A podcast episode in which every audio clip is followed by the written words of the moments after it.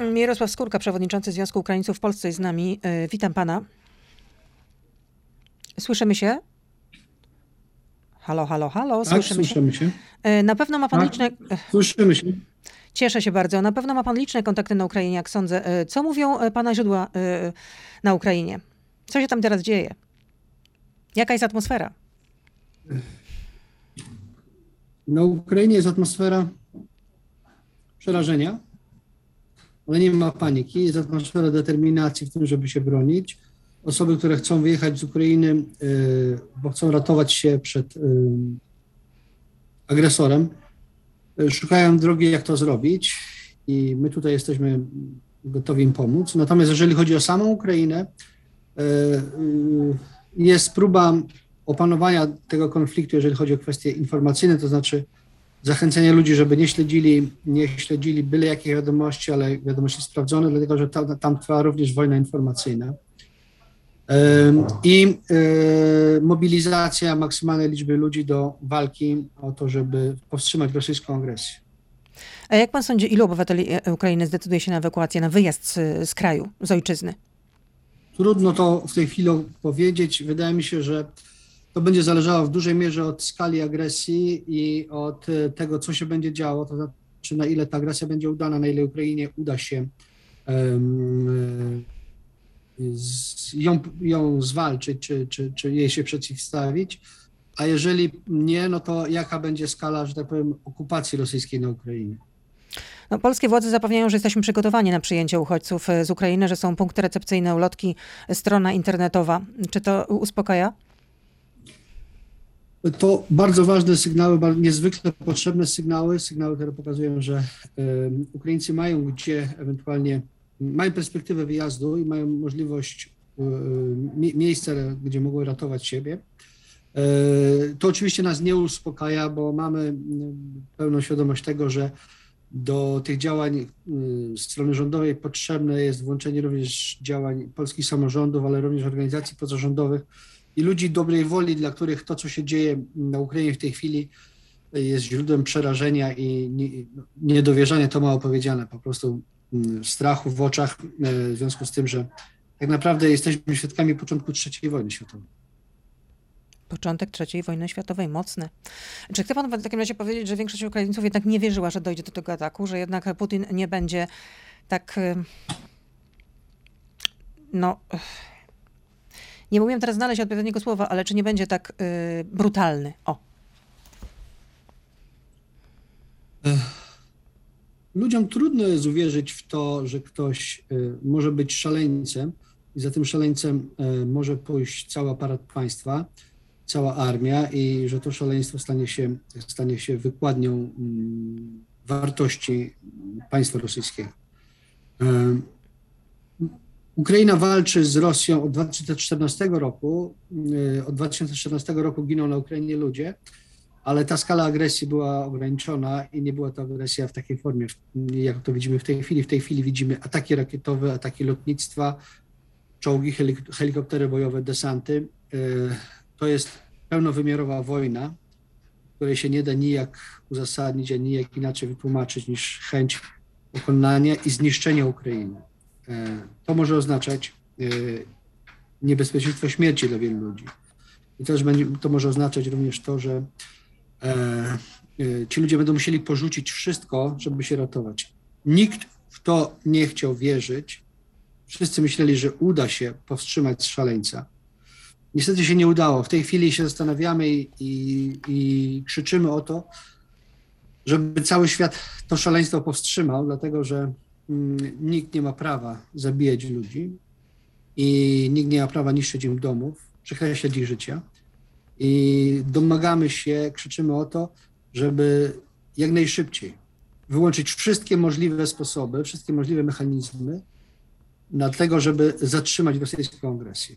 Również wsparcie zbrojne y, dla Ukrainy, również broń, również to wszystko, co, czego Ukraina potrzebuje, żeby się dzisiaj bronić, a także ci wszyscy, którzy będą potrzebowali tej pomocy na zewnątrz, żeby ją otrzymali. O to, o to krzyczymy w tej chwili, o to, o to no, z, z takimi apelami się zwracamy. E, Dzisiaj przez cały e, dzień rozmawiam właśnie z różnymi e, przedstawicielami, czy to naszej opozycji, czy też naszych władz, ale nie tylko, z różnymi komentatorami. No i były szef polskiego MSZ-u Witold Waszczykowski powiedział, że trzeba radykalnie odciąć Rosjan od świata, kompletnie ich odciąć. Po prostu Rosjan powinna czekać kompletna izolacja. Czy to by powstrzymało Putina?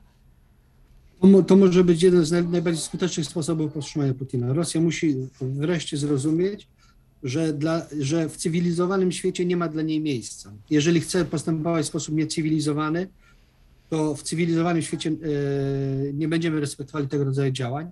Em, I to może być jedyny e, zrozumiały język dla Putina. Bo sankcje, jakkolwiek by one nie były drastyczne y, i bezprecedensowe, jak zapowiada Unia Europejska, to raczej za mało. Tak mówi wielu ekspertów.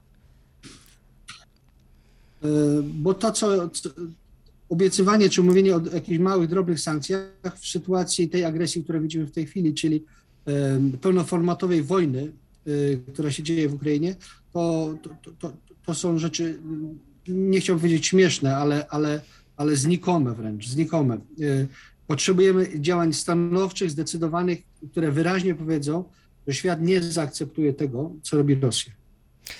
A powiedział pan, że pana zdaniem y, jesteśmy u progu trzeciej, y, wybuchu trzeciej wojny światowej. Y, Co by to zwiastowało? Bo to jest scenariusz, którego absolutnie no, no w ogóle nawet nie chcę brać pod uwagę, ale pan, tak pan powiedział.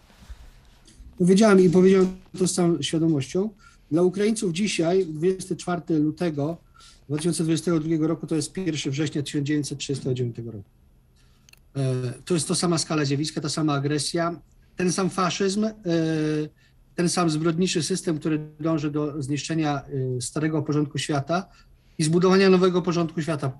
Musimy uświadomić sobie jedno, że ten nowy porządek świata ma się nie skończyć na Ukrainie.